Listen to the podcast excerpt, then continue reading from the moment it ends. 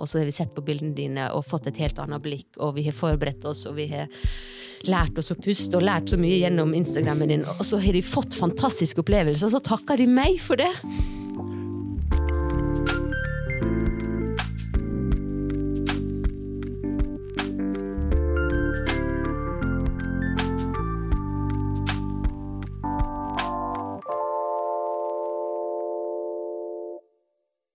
Hei og velkommen til en ny episode av Fotopodden hos foto.no.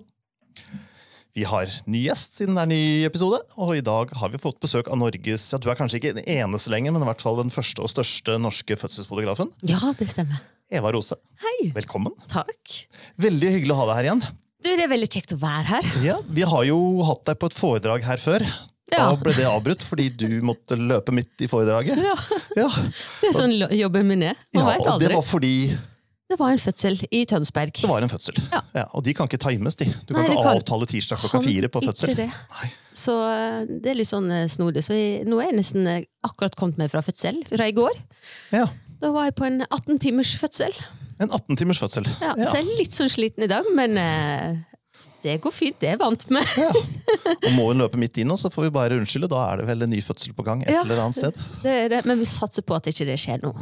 Jeg vil gjerne høre om bakgrunnen din og hvordan du begynte med alt dette her, men kan du ikke bare fortelle hvordan en sånn hvordan lever man et liv hvor man aldri vet når man må på jobb, eller hvor lenge man er på jobb, eller hva som skjer på jobb, eller hvordan er det Du, jeg er veldig dårlig på det, egentlig. For jeg er noe veldig eh, impulsivt av meg. Elsker å bare gjøre ting.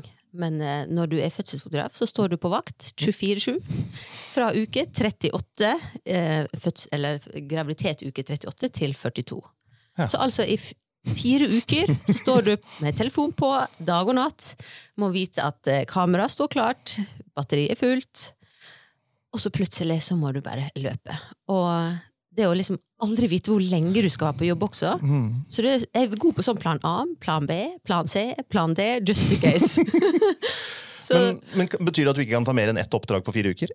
nei, jeg tar flere fødsler, det gjør jeg. Ja. Eh, Men det er nå alltid en sånn noian at tenk hvis det krasjer. Tenk hvis det skjer samtidig. Mm. For jeg holdt nå på med bryllup egentlig alle år. Jeg har egentlig vært bryllupsfotograf først og fremst. Men en gang så sto jeg i et bryllup, og så ringte fødekvinnen og sa nå er det fødsel. og der jeg bare Jeg kan nå ikke gå før det bryllupet her! hadde de booka med et år i forveien! Og så gikk hun i fødsel. Dette her er en jeg kjenner litt fra før av. Hun dro i fødsel. Jordmoren sa at det var det fineste fødselen hun noen gang har sett, og hun begynte å gråte når hun visste at jeg skulle vært der. Oh. Så fin var den. oi. Og hun dama, hun venninna mi, hun klarer fortsatt nesten ikke å se på bildene mine, fordi hun blir så lei seg for at ikke hun fikk den muligheten. Og det var mitt siste bryllup. da var det bare sånn, nei, dette her kan ikke, det, det kan ikke krasje sånn. To fødsler, det har vi mer forståelse for, på en måte, for det, man veit nå aldri, men så sånn, sånn økonomisk sett, veldig dumt, men herregud, jeg har nå verdens kuleste jobb. Ja. Det er du ikke i tvil om Det engang. er jo verdt litt, det, da. Oppi Det er verdt så mye mer enn penger. Ja. Og så, eh, som jeg sier, at det, det er menn i dress de betaler regningene mine, og så fødsel, det, det er passion. Ja. Det er livet mitt. Så du tar litt sånn Ja. bedriftsfoto og sånn for å betale regningene? Ja, Jeg er god på det, for det er sånne menn i dress de har aldri tid. Nei. De hater å bli fotografert. Det er de som bestemmer hvor lenge du får fotografere. Og jeg er sånn virvelvind. Jeg kommer inn, og så tar jeg bildet, og så før de rekker ordet av det, så er jeg ute igjen. Ja, ja. Det, da blir de så glad. Ja. Så da booker meg igjen og igjen og igjen. ja så kjekt. Så men i dress betaler pengene mine. Ja. Det betaler regningene mine. Ja, For du tar ikke betalt for å være standby i fire uker og så da, 18 timer for- på jobb? Altså, tar, ja, men du tar ikke en anstendig timebetaling for det? Nei, egentlig ikke. Jeg tar eh, for bare fødselsfoto, og det å stå på vakt i uh, fire uker totalt, så eh, tar jeg 22 000. Ja. Men når jeg har begynt å regne på alle timene og hvor mye jeg venter, og alt, så er liksom, det er som en Kiwi-ansatt, omtrent. Ja, ikke sant? Det er litt synd man sitter igjen med så masse gode minner at man liksom ikke får som fortjent. Men igjen, hvor mye penger er du å bruke på noe sånt? sant? De fleste har noe, liksom, de vil ha de bildene, men de skjønner ikke helt at det skal være så dyrt, fordi denne her ventinga det er nå det som er hele greiene med jobben. Konstant stå på Ja, og så stå opp midt på natta når Ja. noe skjer, og bli der til midt på natta neste natt. Og helger og ferier, Ja. og når du er på kino, og når du egentlig skulle vært på en konsert. Ja. Ja. Eller når jeg skulle vært på Svalbard med ti fotokvinner eh, for et par år siden. Mm. Hun, eh, hun gikk så langt over tiden at eh, jeg var helt sikker på at innen den datoen der, da må hun ha født. Det var helt sikker på. Og da var det en helt team med norske kvinnelige fotografer skulle til Svalbard. Ti på ni ble babyen født, klokka ni gikk flyet fra Gardermoen. Åh, det var så surt. Og hun der fødekvinnen hun prøvde alt. Hun bare 'Eva, jeg prøver å skynde meg, men sorry'. Ta med tang! Ja. Så nei, man, eh, det er så uforutsigbart. Du, Mm. du vet aldri når du skal jobbe, du vet aldri hvor. Ingenting. Nei. Og mange kommer jo før uke 38 også, så Ja, det er av og til så Eller det er faktisk Men da er du ikke garantert, eller? Eh, Da er ikke garantert Nei. at jeg kan komme. Det er ikke det. Men det er ekstremt sjelden. Nei. De fleste fødsler skjer i uke 41 og 42 hvis kroppen får gjøre sånn som den vil og kan. Ja. Men på sykehuset så har vi det med å skal stresse litt og sette i gang alle disse damene istedenfor. Ja. Så jobben min har på en måte blitt mer enn bare Først så var det bare å ta bilde av gravide og fødende. Det var noe sånn det begynte. Mm.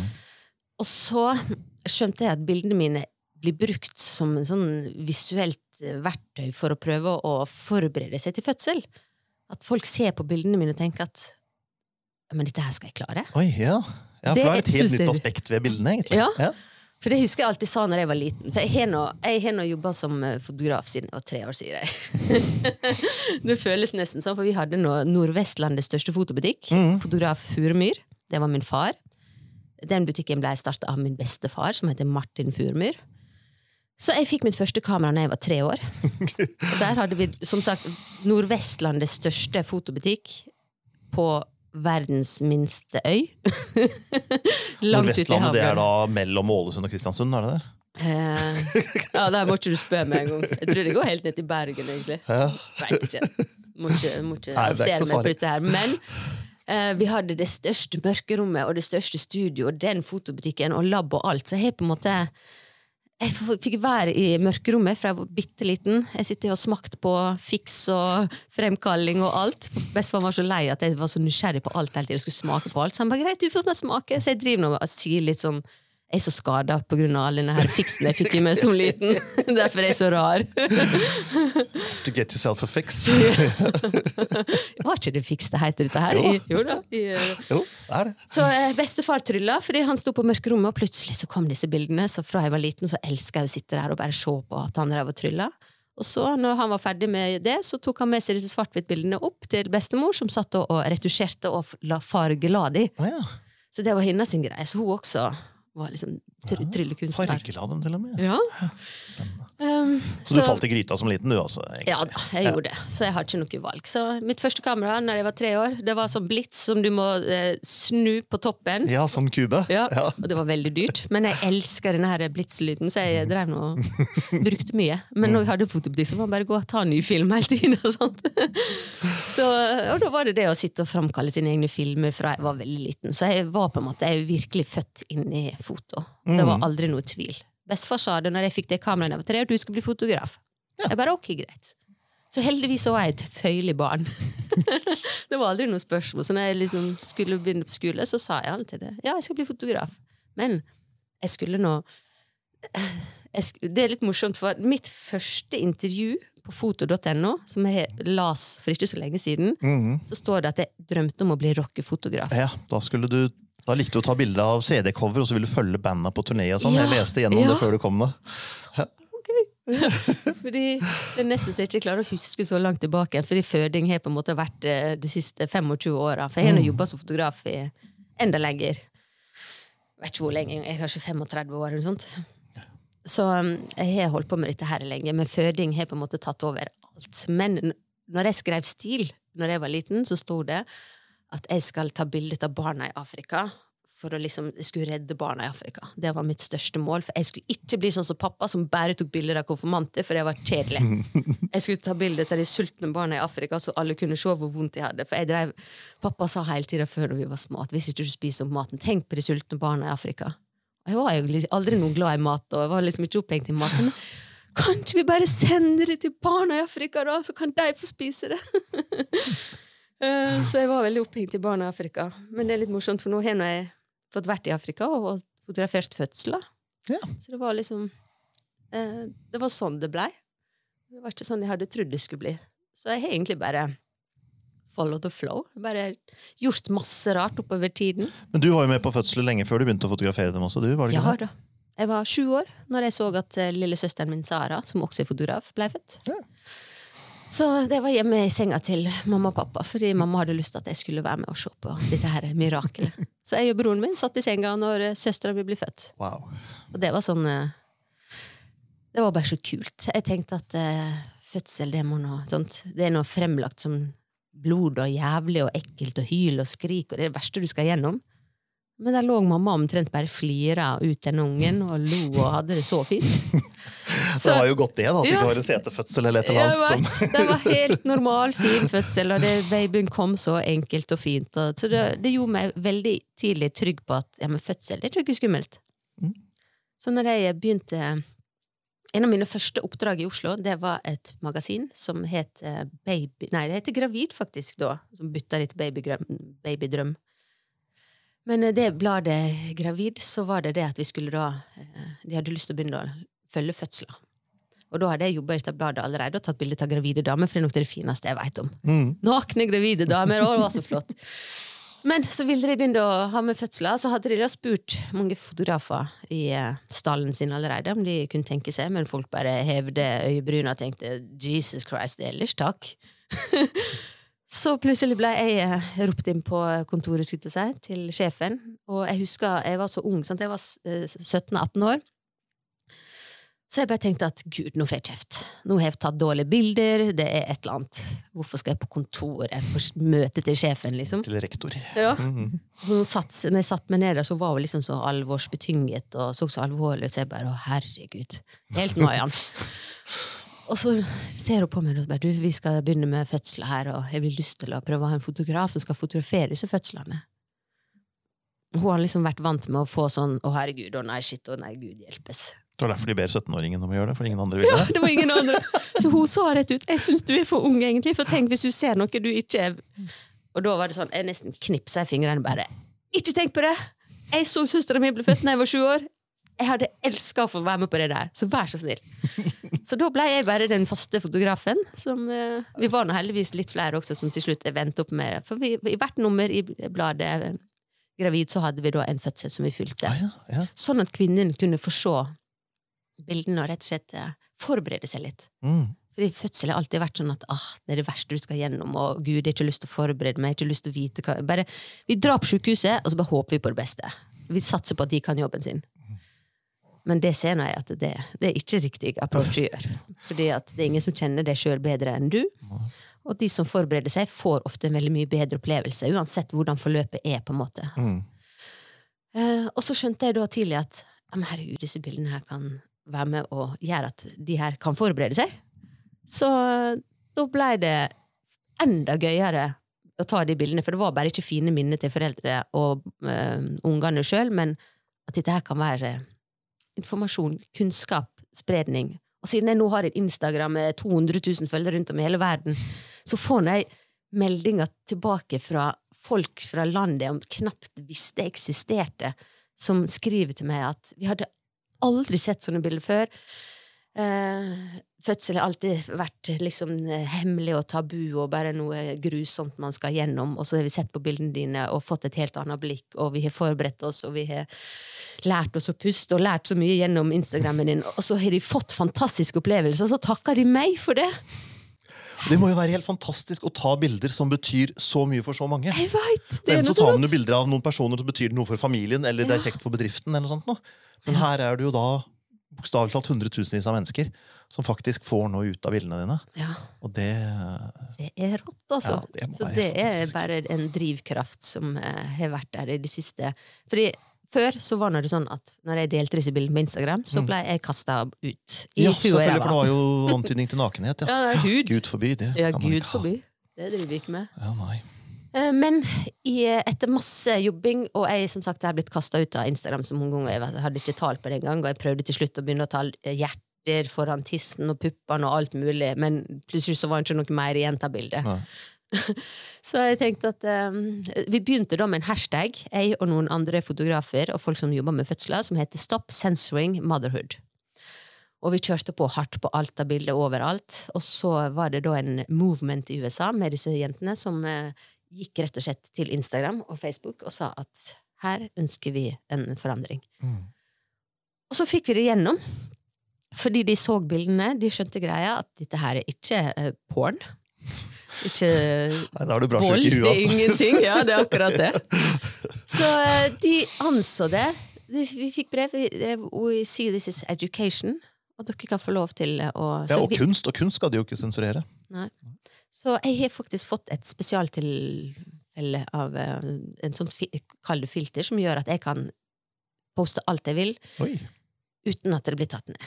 Så hvis det er noe man vil ha ut, så er det deg man skal kontakte. Ja, nei, men Jeg tror ikke noen kontakt i Instagram. Det som er så morsomt. Dette her var de i USA som eh, kontakta meg og sa, fiksa for Men du har fått filteret, så hvis det er et eller annet jeg gjerne vil ha ut som ja, jeg ikke kan da legge ut jeg gjøre det. sensurert, så kan du legge det ut for meg. Da, da kontakte meg.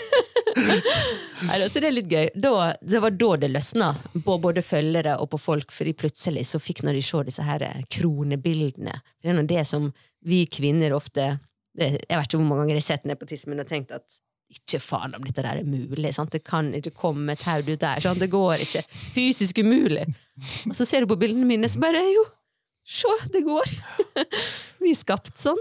Ja. Så det har blitt mindre Så vidt. Mm. Ja, det er Det er dårlig gjort at vi er blitt skapt, at vi skal ha så mye smerte, og det skal være så vanskelig. Gå på sånn som jeppeslang, vet du. Nei, ikke sant?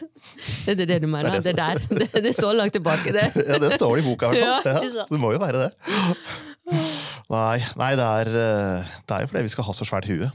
Ja, det mye kunnskap. Vi blir jo født er- premature. Egentlig. Alle mennesker blir født premature. Liksom, du sammenligner med pattedyr, okay. så kan jo alle pattedyr mer eller mindre klare ganske mye når de Ja. blir født. Det kan ikke mennesker. Nei, For hadde vi vært bedre utvikla, så hadde vi vært for store. ja. Da hadde vi ikke kunnet bli født. Rett og slett. Du veit så mye kule ting. Jeg lærer mye nye ting hele tida. Men du tok jo dette her videre. Jeg husker Du kjøpte jo en bobil og begynte å reise rundt og, og skal man si, misjonere. Nei, det blir kanskje ikke riktig ord, men fortell om det prosjektet. Ja, det begynte faktisk med at jeg hadde en utstilling på Oslo rådhus. Jeg ville ha en utstilling, Noe som var fryktelig vanskelig i utgangspunktet, fordi ingen ville ha disse bildene på veggene sine. Og som du sier, du kan ikke selge de bildene her. Så jeg bare nei, det er ikke en salgsutstilling. Da var galleriet ikke så jævla gira for å ha det denne utstilling, for å være helt ærlig. Så, men til slutt, etter masse moment, så fant jeg at jeg kan betale for å få et galleri. Og det kunne jeg ned på Rådhusgalleriet. Alle ting, det største galleriet nede på Rådhuskaia. Jeg bare yes, da gjør vi det skikkelig tok jeg ut alle eh, hva heter det, eh, pensjonspengene mine. Verdens dårligste sunnmøring her, altså. Men tok ut alle pensjonspengene mine, og så lagde jeg utstilling. Eh, fordi jeg hadde så lyst å vise disse bildene. Jeg hadde jobba med disse bildene i så mange år, og fortsatt så hørte jeg bare snakk om at fødsel er det verste du skal gjennom. Men bildene mine viste at nei, det trenger absolutt ikke å være sånn. Dette kan være det råeste du skal gjennom. Så til slutt så fikk jeg ordna deal. Jeg fikk eh, en kjempebra deal på print og lagde store metallbilder som bare hang i hele rådhuset, og det kom folk fra hele verden. Det visste ikke jeg, eller tenkte ikke over det, dette er en plass turister kommer. Så folk kom da inn på, eh, og så bildene og var nå helt i sjokk. De var nå helt i sjokk. Her driver vi i Norge og føder barn i vann. Husker det kom så mange bort og bare ja, men Eva, sånt, kan ikke de drukne? Bare, den ligger i vann i magen. du puster gjennom navlestrengen. Ok! Så mange fikk en litt sånn aha-opplevelse av å se bildene mine. Det var det jeg ville ha. Og da løsna det litt sånn i media med. Plutselig så ble eh, media interessert i jobben min og hva jeg driver med, og disse bildene, for dette hadde ikke blitt sett før. Sånn, vi, vi var, dette var bilder vi aldri hadde fått sett. Så eh, etter den utstillinga der, så prøvde jeg skulle selge bildene til eh, sjukehus for å prøve å få tilbake en litt av pensjonen min. Sjukehus er ikke penger til noe sånt. Nei. Så det endte opp med at jeg bare donerte bildene bort. Men det som skjedde da, det var at folk jeg ikke kjenner, begynte å ta bilde av at Du vet sånn du ligger med beina ut, og så ser du bildet eh, nakne knær, og så ser du bildet mitt i bakgrunnen. Her ligger jeg og føder og ser på bildet ditt. Jeg blir så motivert. Tusen takk. Blir så glad av å se på disse bildene. Sånne meldinger fikk jeg fra så masse damer. Så da ble jeg sånn herregud, disse bildene må nå overalt! Alle må få lov til å se disse fine bildene. Bli motivert og engasjert til å ha et litt annet syn på fødsel. Så da tok jeg kontakt med Elitefoto, og så spurte jeg hei, kan dere være med på et, et lite stunt her. Jeg har lyst til å liksom få fødselsbilder rundt om i hele Norge. Og eh, vi var nå Elitefoto på um, uh, vår fotobutikk i, ja. på Vestlandet. Ja, så var det fotograf Furumyr Elitefoto. Mm. Så jeg har alltid hatt en stor kjærlighet for elitefoto. Så, ja, de har jo avdelinger rundt omkring. Ja, mm. ja. Så det vi gjorde, det var Og Elitefoto sa egentlig først De sa ja til uh, Jeg tror det var dealen var at vi skulle begynne med 100 bilder, som jeg skulle da ta rundt til 10 sykehus eller noe sånt. Det var liksom dealen. Og de skulle hjelpe meg å fly meg rundt, og så behjelpelige, for de syntes det var så kult prosjekt. Eh, men eh, jeg ble nå bare sånn at jeg vil, ha, jeg vil, ha, det overalt. Jeg vil ha det på helsestasjoner, alle sykehusene, ikke bare de største, for jeg kommer til en liten plass først sjøl. Mm. Alltid sånn at vi blir glemt. Mm. Så da eh, sa jeg til litt foto ok, hvis vi bare driter i at dere skal tenke på fly og frakt og alt dette her Hvis jeg får 1000 bilder Dere betaler ingenting til dette, men jeg vil ha 1000 bilder, så skal jeg fikse frakt sjøl. Så sa de ja til dette her. Heldigvis. Um, så da skulle jeg da prøve å finne meg en bobil for å da kunne reise Norge rundt for å levere rundt alle disse bilene. Jeg trodde det skulle være litt lettere, men uh, det var ingen som hadde lyst til å låne bort, uh, eller leie bort, uh, sponse bort noen bobil når det var med føding. Nei. Alle dager. Folk vil tro at jeg skal drive og føde i bilen her, og nei, det er ikke bra reklame for oss, og nei, dette her var bare rart. Og og så drev jeg sendte mail rundt til alle sammen, og fikk nei og fikk nei. og fikk nei. Så to uker før jeg skulle begynne å reise Norge rundt, så satt jeg liksom med Plan B det var å kjøre med golfen min, ha med meg en tilhenger med telt og sånn baki, og bildene, og så kjøre rundt. Aleine rundt i hele Norge på vinteren. Jeg bare, oh, gud. Eh, last minute så kjører jeg forbi noe som heter Askims, som er en sånn bobilgreie nede på Tønsberg. Og det er det som viser litt at ok, du kan skrive så masse mail du vil, men det å møte opp fysisk Jeg bare gikk inn til sjefen, og jeg bare blæste han av. Her skal jeg reise Norge rundt. Bra, dere får bra PR. Vi? Her blir det, vi kan Uansett, de endte opp med å si ja, for jeg ble så gira av min entusiasme. Mm. De endte til og med opp med å si ja til å sjøl bruke penger på å printe opp bilder, folie, på fø Fødebil Norge Rundt, står det.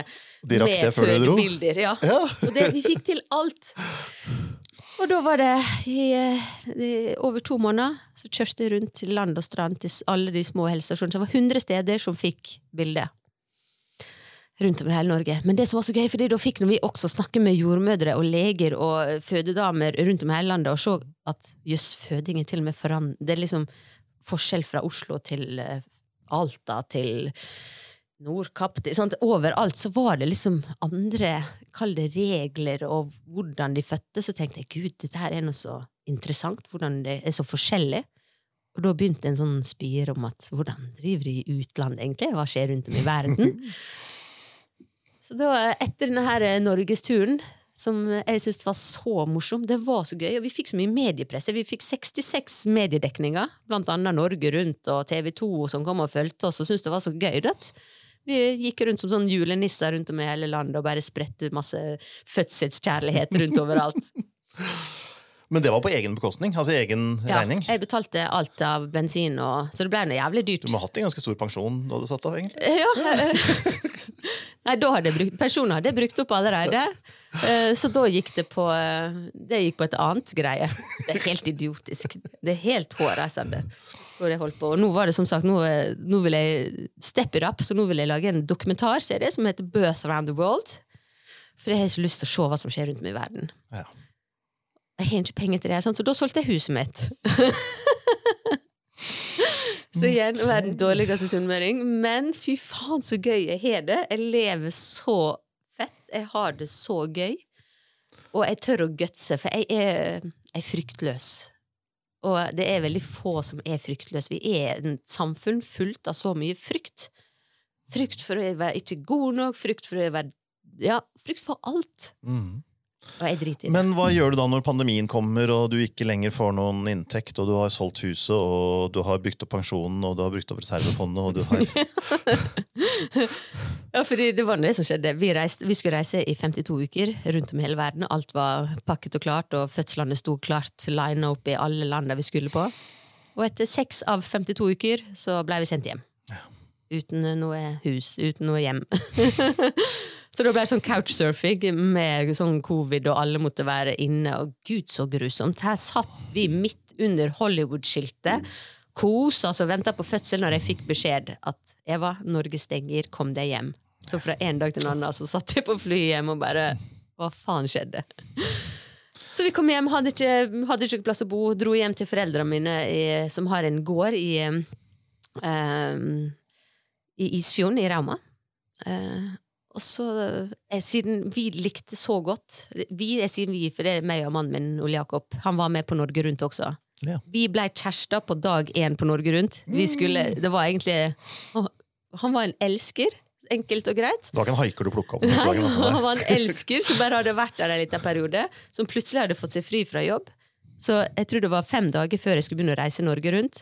Så spør jeg om han hadde lyst til å være med, for han hadde plutselig fri. Så dette her er make it or break it for forholdet. Nå skal vi være sammen 24 timer i døgnet.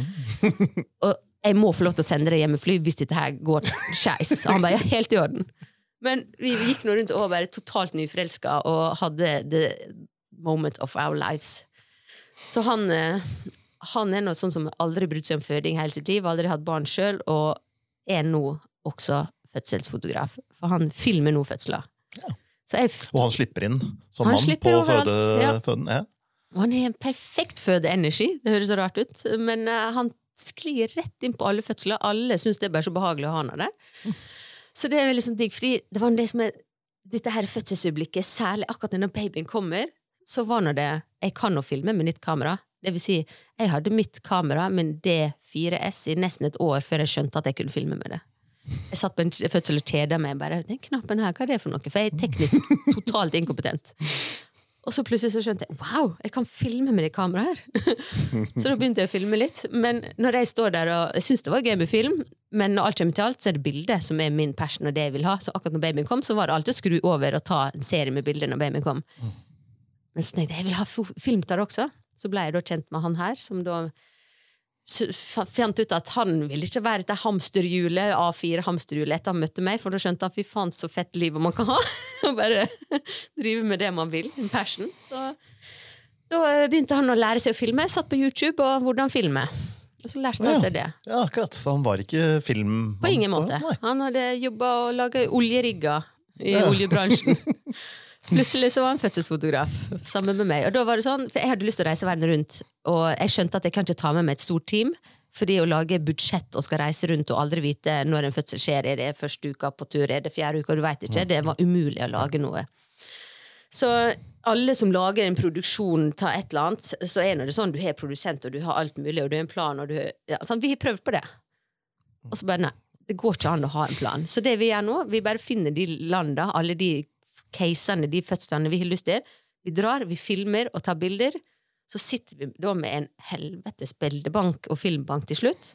Og så skal vi bare satse på at det kommer noen voksne i hermetegner, som kan komme og hjelpe oss med det vi ikke kan, og prøve å lime dette her sammen til en dokumentar. Fordi mine ambisjoner er at den her skal på Netflix.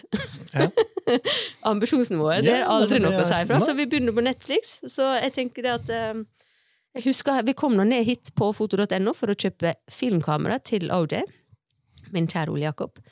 Og da eh, var det en eh, dude fra Sverige som eh, Nå husker jeg ikke hva kameramerket han har engang, for vi fikk noe knapt brukt det kameraet, men da var det Han sa dette her er eh, godkjent for Netflix. Det var eneste grunnen til at vi kjøpte det jævla kameraet. Så det brukte vi seks uker, og nå har det bare stått i to år. Ja. Skikkelig kjedelig. Vi hadde så masse nytt eh, oppdatert utstyr som vi var så stolte av skulle ta med oss rundt. Og vi hadde blitt sponset av Focus Nordic og fått så mye fine ting fra dere. Og vi var, vi var så klare, vi. Og så kom vi tilbake igjen og bare nei. For jeg satt hele tiden at ja, men den pandemien, det går over snart. Det går over snart. Nå sitter vi her to år seinere og fortsatt ikke fått kommet ned ut på Bøter Wall. Men Det har også litt med at jeg nå brukte opp alle pengene. Ja, ikke sant? Jeg hadde satt av 500 000 til jeg skulle reise verden rundt. Og de siste årene, fordi jeg fikk ikke penger når jeg, fordi jeg hadde vært ute og reist i eh, seks uker før pandemien, så prøvde jeg å søke penger da på eh, covid-støtte. Men siden jeg hadde vært ute og reist, så fikk jeg ikke det. Nei, Nei. selvfølgelig. Du har ute og reist, du var ute på jobb. Ja, Men uh, siden jeg ikke har Det var ikke et oppdrag, det er noen spekkjobb. Du har ikke noe å vise til. Det var så komplisert, så jeg var bare sånn drit i det. Hans ta Nav. Det er bare drit uansett. Og det kan jeg fortsatt si. Nå, jeg har aldri hatt noe med Nav å gjøre, så det første gangen jeg skulle sende inn en søknad til Nav, det var på grunn av at jeg sitter der dritsur, kom hjem fra USA, skulle egentlig reise verden rundt. Her sitter jeg og får beskjed fra alle sammen. Du må søke penger du med for å få stø Nav, eh, støtte fra Nav. Men så hadde jeg trykt inn på Nav, da, og da hadde jeg sagt at jeg har ikke vært på, hadde ikke vært, firmaet mitt hadde ikke vært i bruk de siste fire uh, ukene fordi at jeg har vært ute på reise. Men da hadde jeg tydeligvis skrevet at jeg har ikke noe firma lenger.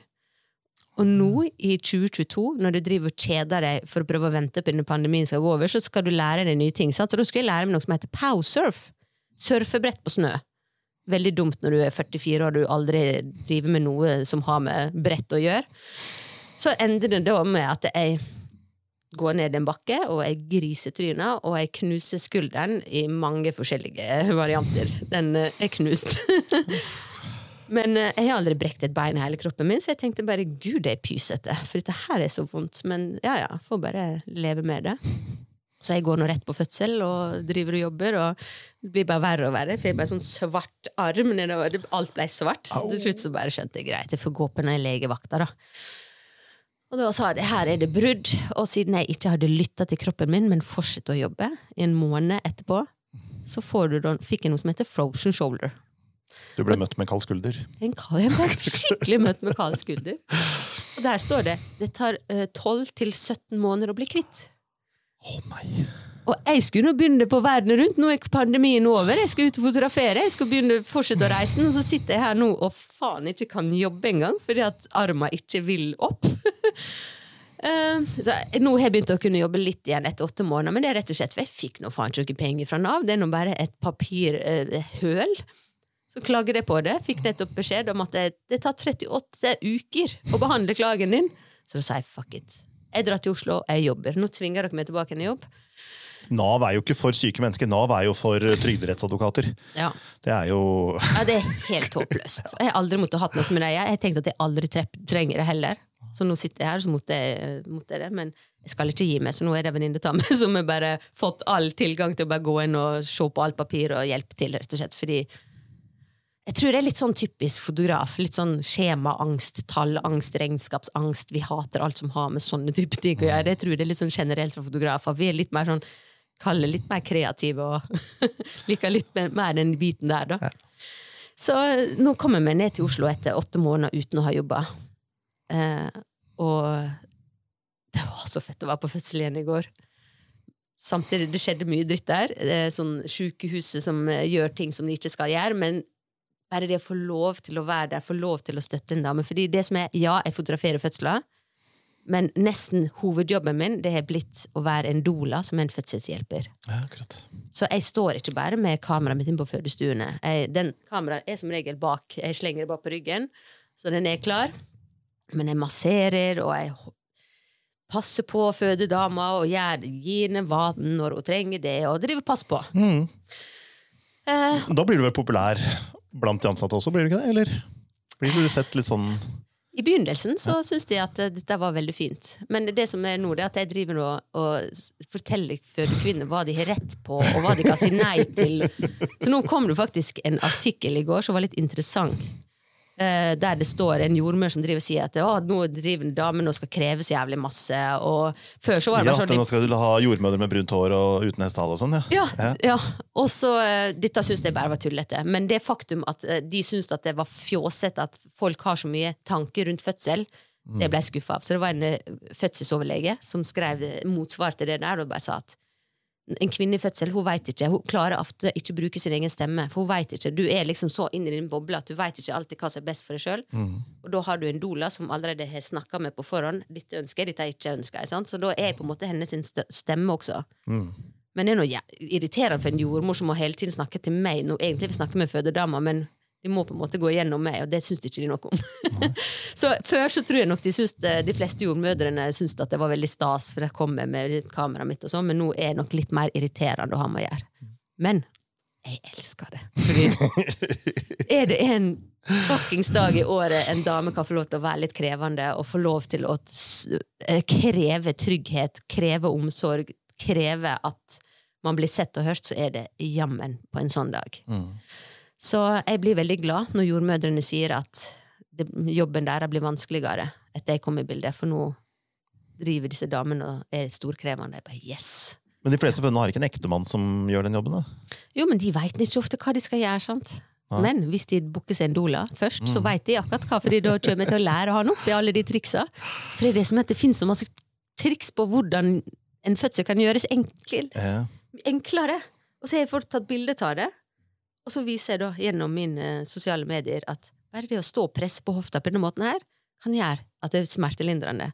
Så når en fødekvinne, når jeg først begynner med dette, her, så blir det sånn du kan ikke gå, du kan ikke gå, du kan ikke gå. Og så står jeg der med kamera bak på ryggen og vil egentlig ta bilde, men jeg bare, da står du der, da. Men tenk så kult å kunne få hjelpe til når en mhm. dame har det så vondt, og du kjenner at dine hender kan hjelpe på hennes smerte og gjøre at hun får det bedre. Men er det noe du selger inn når du selger øh, oppdraget, eller er det noe du bare gjør når du er der? Altså, eh, som regel så er dette noe de må booke og bestille på forhånd. Mm. Fordi når jeg først er en doula, mm. så, så skal, de meg, skal, de ha full pakke på meg, så koster det 70 000. Ja. Så da snakker vi. Da ja. kan jeg godt ta én fødsel i måneden, på en måte. men mm. nå er det gravidshoot, foto, doula og eh, postpartum eller en babyshoot. Mm. Da får de alt. Ja. Så, men jeg tenkte 70 000 er ingen som gidder det. Men nå har jeg faen meg fått tre sånne 70 000 siden jeg økte prisen og lagde en sånn pakke. Så er det tre stykker som har booka det. Ja. Og da føler jeg at nå har jeg begynt å få tilbake litt, Fordi før så var det Før så tok jeg 12 000 for en, en fødsel. Mm. Og når jeg begynte på regnestykket etter moms og skatt og alt sammen, og hvor mange timer, så var det helt latterlig dårlig. Mm. Så, men hvis jeg skal ta så mye som det burde være, det kommer litt an på hvor lenge fødsel varer. Nå, I går så var det en fødsel på eh, Jeg var der, holdt på i 22 timer. Jeg var den 18 av de 22 mm. timene. Fødselen før var 15 minutter fra vi kom inn på sykehuset til babyen var ute. Det var ikke en sunnmøring. Det siste var sikkert en sunnmøring som visste hvordan man fikk valuta for pengene. Ja, man skulle tro det. Å, man skulle tro det. Det som faktisk skjedde her sist nå, det kan jeg være så ærlig si, det var en overlege på Ullevål som rett og slett har gått og satt i gang en fødsel uten å spørre kvinnen først. Hun var i uke 38, som er liksom to uker før termin. Mm. Og så kan du gå med fingrene dine opp i tissen, og så kan du gjøre noe som heter stripping, med at de åpner opp, og så løsner hinnene fra hverandre, sånn at en fødsel kan komme i gang. Det er ikke alltid det skjer. Det skal du ikke gjøre, for det første uten å spørre kvinnen først, og få lov. Og så skal du ikke gjøre det så tidlig før en termin. Nei, for kroppen er ikke klar. Er noe... Så det blei den langeste, seigeste fødselen på 22 timer. Greit nok, jeg har vært på fødsler på fem dager, men det er en helt annen historie. Men dette her er på en måte når eh, en kropp blir satt i gang uten at den er klar, så blir mm. det trøblete, sånn som denne her fødselen i går ble. Mm. Og, så nå sitter jeg og skriver kronikk. For hver gang jeg opplever noe dritt på fødestua, så går jeg rett i kronikkmode, og så skriver jeg hva jeg føler og tenker. Og det er litt morsomt, fordi jeg har blitt hørt.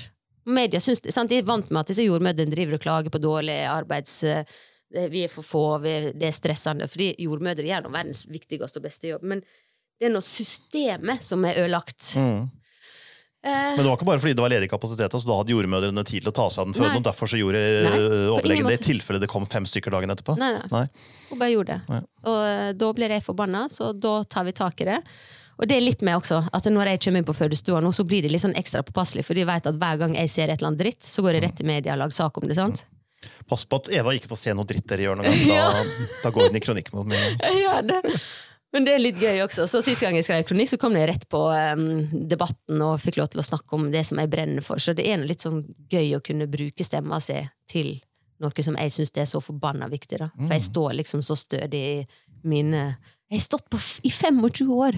Jeg har stått på fødestua og sett For at før så var det sånn damene kom inn, og så fødte de, og så dro de. Mm. Nå er det liksom sånn, det er noe så sjukt masse greier, og de skrur skruer i hodet på babyer, og de tar seg til rette uten å spørre om tillatelse. De kommer inn så, Sånn som nå forrige fødselen, første jordmora, hun kom inn, og så sa hun det at ja, det var ingen andre på, på jordmorrommet som ville komme inn.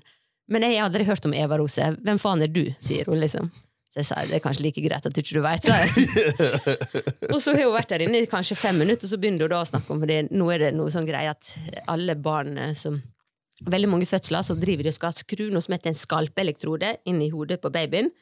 Og det er rett og slett en skrue. En en metallskrue. altså. En nål som går rundt, da. En spiralnål. Jeg kaller det en skrue, det høres litt hardt ut, men det er en spiralnål. Men de legger det fram som om at det bare, vi skal bare sette på en liten elektrode. Mm. Som, det er bare en liten, Der var det gjort. Ingen som forteller at det er en skru som kan sitte fast og kan faktisk sitte igjen inni skalpen, som har skjedd før. Så det er liksom aldri noe at de forteller noe om dette her. Jeg, veit om den skalpen. Og det fant jeg ut for fem år siden, for jeg var i en fødsel. Så så jeg at det var en sånn tråd som hang mellom beina til alle disse damene. Hva faen er dette her? Så hadde de tatt ut den, og så kasta jeg den på gulvet. Og så ser jeg den, og så er jeg bare oi. Så bare tar jeg den opp, putter den i lomma. Dette er ikke lov, men det ga faen. Tok den med meg hjem. Så ser jeg det er en jævla skrue! Så jeg tar nå full fotoshoot av den skruen her, tar på makroobjektivet, får de feteste bildene, og så deler jeg det på sosiale medier, og det bare blir fullstendig klikk. Men positivt for min del, eh, folk bare var sånn vi visste ikke at dette her dette her har vært en skrue, ingen har fortalt oss om dette her. Hvorfor skjer sånne ting uten at vi kan få lov til å eh, vite om det? Få mulighet til å si ja. Så hun der tyske dama sånn, som aldri hadde hørt meg, kom inn på fødestua i går og bare Ja, du, nå føler jeg at det er på tide å sette på en elektrode på babyen din. Jeg visste at det kom til å komme.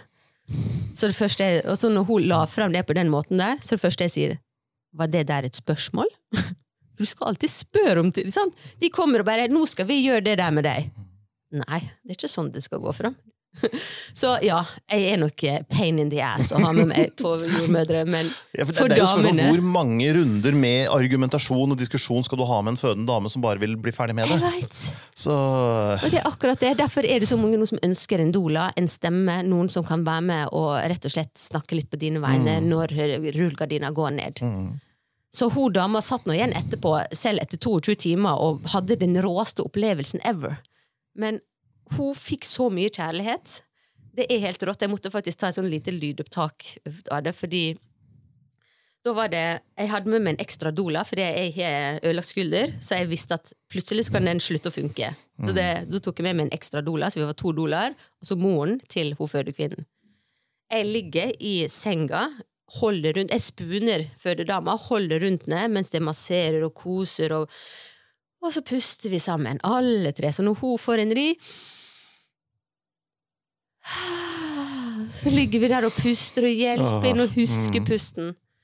Så jordmunnen kommer inn vet du, og himler med øynene. Der ligger når vi tre sty fire stykker oppi senga holder og gir hun dama så mye kjærlighet. Sånn, noen er nå bare sånn 'Ikke ta på meg! Gå vekk! Jeg må ha sånt!' Hun her var bare, hun trengte så mye kjærlighet og trygghet, og det var det vi ga henne. Så hun satt igjen etterpå og bare 'Fy faen, for en rå opplevelse! Herregud, så rått det var å føde!' Og tusen takk! sånt. Og jeg vet at hadde hun vært der alene, så hadde det vært noe helt annet. Så jeg føler at uh, jeg er trygg i min sak at det jobben jeg gjør, er bra, og det er så gøy. Men det blir ikke rutine det her? At det blir litt sånn 'å nei, enda en fødsel'. Åh, Nei. nå vil jeg sove. Jeg vil ikke være 18 timer på en fødestue midt på natta. Nei. Nei. Ok, Av og til så kan det bli trøtt, men nei! Fordi det er aldri rutine. Det er ingenting som er likt. Du vet aldri hva du møter. Fødedama vet nå aldri sjøl. Hun kan tenke at sånn og sånn vil jeg ha det, sånn og sånn tror jeg det kommer til å bli, så blir det noe helt annet. Men så lenge man føler seg sett, hørt og respektert, så kan man sitte igjen med den bra opplevelsen. Jeg sitter igjen med kronikkmode etter fødselen i går. Etter disse timene der, så sitter jeg nå med den sinteste kronikken ever. Men det at fødedama mi ble skåna for alt dette her, for jeg tok nå eh, alle jordmødre på gangen, og liksom kan vi ta en liten prat om at du nå fortsetter å mase om noe vi allerede har sagt nei til? Kan du bare gå på bakrommet og bare si at det skjer ikke? For de sitter nå bare på bakrommet. 'Nå må du gå inn, og så må du gjøre sånn.' nå må du gå inn, For de ser nå bare på alle maskinene. sant? Mm. Du må ingenting, du. Babyen har det helt fint. Det følger vi med på. Slapp helt av. Men, men jeg skjønner jo at du kan bli oppfatta som en plage Mm. når du er der inne. Men jordmødrene må jo samtidig anerkjenne at du er på samme lag som dem, egentlig. Ja, altså det. i den store debatten. Ja, de, de, men det er sånn elsk-hat. Skikkelig elsk-hat. De Mm. jordmødrene som eh, elsker den jobben jeg gjør, for de sier at du er vår stemme ut der. vi kan være så frustrert på hvordan systemet er bygd opp, men hvis vi driver og kaller driter på vår egen andreplass, så mister vi jobben. Sant? Vi, vi får ikke noe bra. Jeg har jeg har nå egentlig driter på min egen arbeidsplass sjøl når jeg driver med alle disse kronikkene, for plutselig så kommer de Jeg har tenkt på det, plutselig så kommer det fra sykehuset at nei, det er blitt fotoforbud. Vi skal passe på våre ansatte som eh, blir eksponert. Jeg, deler nå aldri noe bilde med jordmødre. Da eh, spør jeg de først, men vanlige folk har, har begynt å ta mer bilder under fødsel. Fordi de, litt fordi at jeg også har sett hvor fine bilder det kan bli. Men så deler de da igjen på sosiale medier, og så er det en eller annen jordmor da, som plutselig dukker opp på Instagram med ansiktet sitt. Og det er ikke greit. sant? Så jeg er så redd nå for at de kommer plutselig og skal gjøre det ulovlig. Mm. Men de har nok så mye å skjule. Det er det de er så sure på nå, at jeg driver og outer de hele tida på ting de gjør som ikke er riktig. Og jeg har evidensen bak meg før jeg, går ut og er, liksom har For det er, det er det som er så kult, at siden jeg har det er liksom, Jeg er den store fødselsfotografen rundt om i verden fordi jeg har holdt på med det i 25 år. De som har holdt på med det i 6, 7, 8, 9 år, liksom, de føler at de har holdt på med det lenge. Så hører de om hun der crazy dama som har holdt på med det der i 25 år i Norge. Sant? De, de var sånn, hæ? Hva faen er det med dere nordmenn? Men det er det som er så kult, hvor åpne vi er. For jeg kunne nå aldri gjort denne jobben her, hadde ikke det vært for at alle mine klienter er så kule og la meg dele det her. Mm. Så det er derfor jeg kan drive For det er med jo ekstremt kunnskapsformidling. privat. Det får jo vanskelig blitt mer privat. Det kan ikke bli mer privat, og likevel så har folk fått en, en tillit til meg, og de har fått en tillit til jobben jeg gjør, og de syns det er så bra det jeg driver med, så de har lyst til å være med på den jobben. Så vi sammen så gjør vi liksom en sånn formidlingsjobb sammen, da. Ja. Det er noe så gøy. I hvert fall når du kjenner at dette her er på lands, nei, verdensbasis. Så jeg kjenner de største obstetricians og de jordmødrene som jeg kjenner. Alle disse her kjenner for de bruker nå bildene mine til undervisning, til uh, foredrag overalt hele tida. For de har vært der hele tida, og de syns det er så fint å kunne bruke. Så har jeg noen spørsmål, er det noe jeg lurer på som jeg syns er feil, så kan jeg spørre de beste i verden. sant? Og så kan de uh, si at ja, Eva, her er du helt rett. Og da kan jeg kjøre på med det. sant? For jeg er ikke utdanna jordmor, jeg er ikke utdanna helsepersonell i det hele tatt. Så det at jeg skal komme og mene så masse, kan bli så provoserende for så mange. hvor stort antall fødsler har du vært gjennom selv? Eh, no, to, vent, skal vi se. 226. Ja, Som du har vært til stede på, ja. Ja. Men du har hvor mange barn? Ingen. Nemlig. Ja. det kommer ingen heller. Nei. Det er rett og slett for at eh, Jeg måtte ta litt valg. Eh, det å skal drive med alle disse crazy prosjektene mine og skal reise verden rundt, og mitt mål er å skal forandre hvordan vi ser på fødsler rundt i hele verden. Så når du har sånn ambisjonsnivå, så kan du glemme litt dette her at eh, du fikk litt dårlig tid og skulle ha disse ungene sjøl. Så jeg har liksom bare hatt det ene kule prosjektet. Jeg lagde fotobok med fødsler for at jeg ville at folk skulle lære mer der. Og så lagde jeg dokumentarserie som heter Fødselsfotografen, der en TV-team fulgte meg rundt på alle slags fødsler rundt om i Norge. Så det har liksom vært det ene prosjektet etter det andre. Jeg er så vidt ferdig med noe, så begynner jeg på et nytt. Sånn har jeg holdt på hele tida. Så jeg har så høyt tempo, men der lærte covid meg noe annet. Der lærte jeg meg å puste. Fordi at jeg er sånn fair of missing out. Jeg skulle være med på alt. Jeg skulle sånn der hele tiden. Og plutselig så bare Ok, greit. Nå er alle som missing out. Ja, Så det nå ingenting å misse out på, egentlig. Så nå kan jeg bare slappe av. Mm. Så da kom vi til Isfjorden, begynte å lage denne her bobilen. Og da skjønte jeg at faen, vi kan bygge. Særlig mannen min. da, Jeg kan ikke si alt kred på det her sjøl, men vi lagde verdens feteste bobil. Eh, akkurat sånn som vi ville ha det. Drivverk fra sjøen. Og den blei så koselig som en liten hytte på hjul. det vi fant ut at ok, nå har vi ødelagt budsjettet vårt på Birth Around the World, men hvis vi får oss en fødebil, så kan vi kjøre rundt med den. Så selv om det var covid og fullstendig lockdown, så fikk vi fødsel da i Frankrike. En hjemmefødsel. Oi, Så der kjørte vi gjennom hele gikk det an, altså? Ja, Oi. fordi når du bor i bilen, så er det ingen som kan nekte det. Nei, nettopp. Så vi dro til Frankrike. Det var noe jævla kjedelig å være i Frankrike i to uker, og det eneste vi fikk sett, det var en bitte liten landsby på eh, 100 hus. Fordi at vi, vi fikk liksom ikke dratt ut noe. Vi var der bare og passa på og venta på eh, fødselen. Men det var noe helt rått. Det var ti dager etter vi hadde kommet, så kom den fødselen. Og det var bare helt rått. Og så skulle du kjøre hjem etterpå. Og da er det bare å stoppe på veien og sove i bilen. Og... Så det er det som er tanken, at nå skal vi kunne ta fødsler rundt om i hele Europa. Eh, Unntatt Ukraina. Eh, kanskje det også. Mm. Det, ja, men det er noe, sånne plasser jeg syns det er viktig nå å faktisk gå og sjekke hva som skjer. Mm. Der det er liksom ting som er Jeg har lyst til å vise både det gode og det dårlige. Mm. Og så til slutt så får vi se hvordan, hva rød tråd det blir, da. Men så langt så har vi bare Vi, vi kom rett til Vi kom til Afrika, og det første som skjer, er at vi eh, en jordmor tar kontakt med oss. Vi hadde egentlig en full plan hva vi skulle gjøre der oppe, men så er det en jordmor som ser meg på Instagram at hun er engelsk, holder en birth-klinikk langt pokker nede i en bitte liten landsby i Etiopia. Hun inviterer oss ned dit. Hadde vi hatt et team og alt vi skulle følge, så hadde vi aldri gjort dette der. Men vi bare Nei, follow the flow. Ok, greit. Da stikker vi ned til henne.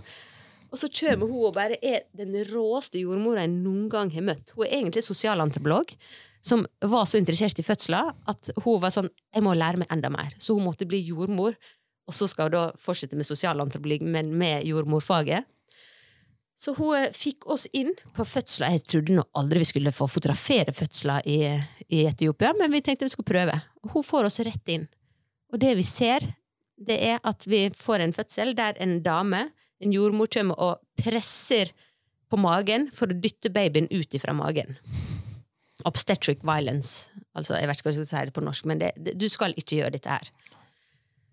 Vi var nå helt i sjokk. Jeg var bare sånn herregud, dette her er noe helt gale, Mathias. Og så har det rå bildet. Du ser at dama prøver å dra ermene til jordmora vekk. Fordi hun får ikke puste. Du prøver å presse den ungen ut. Fundal pressure heter det. Dette her er noe som de brukte i gamle dager, for de trodde at det var bra. Og så har vi fått ny forskning som har sett at hell no, dette her kan, det er så farlig for mor og barn. Uh, så um, jeg tenkte nå bare herregud, dette her er en sånn Afrika-greie. De veit ikke bedre, og gud så jævlig. Men jeg velger å dele det bildet på sosiale medier, og det eksploderer. For der kommer det da folk rundt om i hele verden som skriver meldinger. Jeg tror over 1000 kommentarer bare på ene posten der med folk fra hele verden som har opplevd dette her. Dette skjedde i Sverige, i Norge, i Ukraina, i Frankrike. I Frankrike så var det en dame som holdt på å dø i fjor pga. det her. En influenser som nå har brukt stemma si på å vise at faen, hva er det de driver med? Vi må følge med på forskning. Dette her er. Så nå driver vi og prøver å skal lage en underskriftskampanje som skal gå worldwide, eh, som skal hete Only Mothers Push. Eh, og prøve å få dette her ulovlig rundt om i hele verden. Og det er bare på grunn av et bilde fordi det bildet er så kraftfullt, det er så synlig hva som skjer, at folk har på en måte du, du, får ta det innover, du ser det, du blir så ekte, og da blir man så engasjert. Mm. Så det er det jeg mener med å kunne bruke bildet som et visuell greie for å kunne eh, forklare folk noe som kan være så vanskelig også. Mm. Eh, så vi håper, Nå driver vi prøver å få ta kontakt med World Health Organization og Landslet og alle for å få de med på at dette her at vi alle er enige at dette her er noe vi ikke skal gjøre. Så det er et stort prosjekt, men eh, det er en av de tingene som eh, jeg syns er gøy. For tenk så morsomt om vi kunne ha fått til og gjort dette her ulovlig for alle land rundt med hele verden. Funnel pressure er ikke noe vi skal drive med. På grunn av et bilde? På grunn av et bilde. Ja. Jeg har til og med det på film, men den filmen klarer ikke jeg å se sjøl. Og jeg kan se alt. Jeg kan og jeg kan se en dame som sitter og føder og spiser ved siden av. Ingen problem. Men den der den går så gjennom marg og bein at jeg klarer ikke å vise den til andre, og jeg klarer ikke å se det sjøl. Så det blir for sterkt igjen. Men vi har den. Så kanskje på Birth Around the World-dokumentaren så kommer det. Vi får se. Men vi har så mye spennende content allerede. Og det er det jeg mener at folk som driver med, med eh, produksjon av TV og film og alt sånt, bare, dere gjør nå alt helt feil. Sant? Det er ikke sånn man skal jobbe. Man skal ha en plan, og man skal ha en Vi bare nei, skal ikke ha noe. Men du kommer her med en hel haug med content som jeg tror er bra nok til at noen har lyst til å jobbe med. Lyst til å jobbe videre. For fødsel det er, noe, det er så vanskelig å få komme seg inn i denne private spacen. Mm. Og siden jeg har så mye tillit i verden, så, liksom, så, får jeg komme inn og så får jeg vise, og så er de med på å dele det. Så jeg tror det at eh, Jeg tror at har du spennende nok content, så kan du få lage magi der ute. Så det er det vi skal prøve på. jeg tror vi runder av der. Ja. Takk til dere som fulgte denne episoden av Fødselsbloggen. Fødselspodden var det. Fotopodden. Foto, foto, fotopodden var det, ja. ja det ble, litt, det ble veldig lite fotoprat Ja, men det er veldig fint å se at du blander inn nye ting og andre ting og viktige ting, og at det du gjør, betyr så mye for så mange.